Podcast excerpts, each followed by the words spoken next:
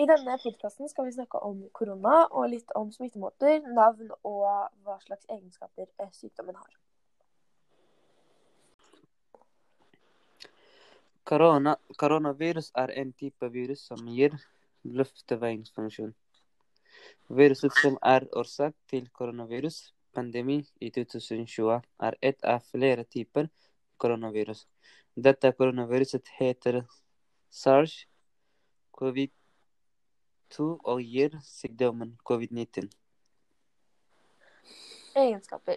Koronavirus er en stor familie av virus. Noen forårsaker sykdom hos mennesker, andre smitter bare dyr. I sjeldne tilfeller har dyrekoronavirus mutert til også å kunne smitte fra dyr til mennesker og kunne spre seg mellom mennesker. Dette antas å ha skjedd med viruset som forårsaket covid-19. MERS, Midtøstens respirasjonssykdom, og SARS, alvorlig kutt-respirasjonssyndrom, er to eksempler på koronavirussykdommer som kommer fra dyr og deretter spres til mennesker.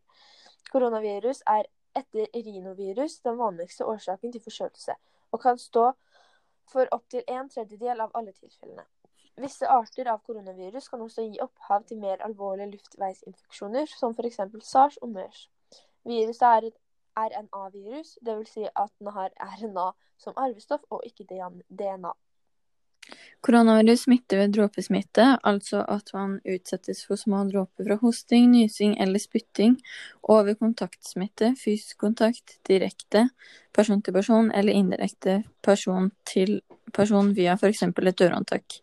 Koronavirus har også potensial til å smitte via luften.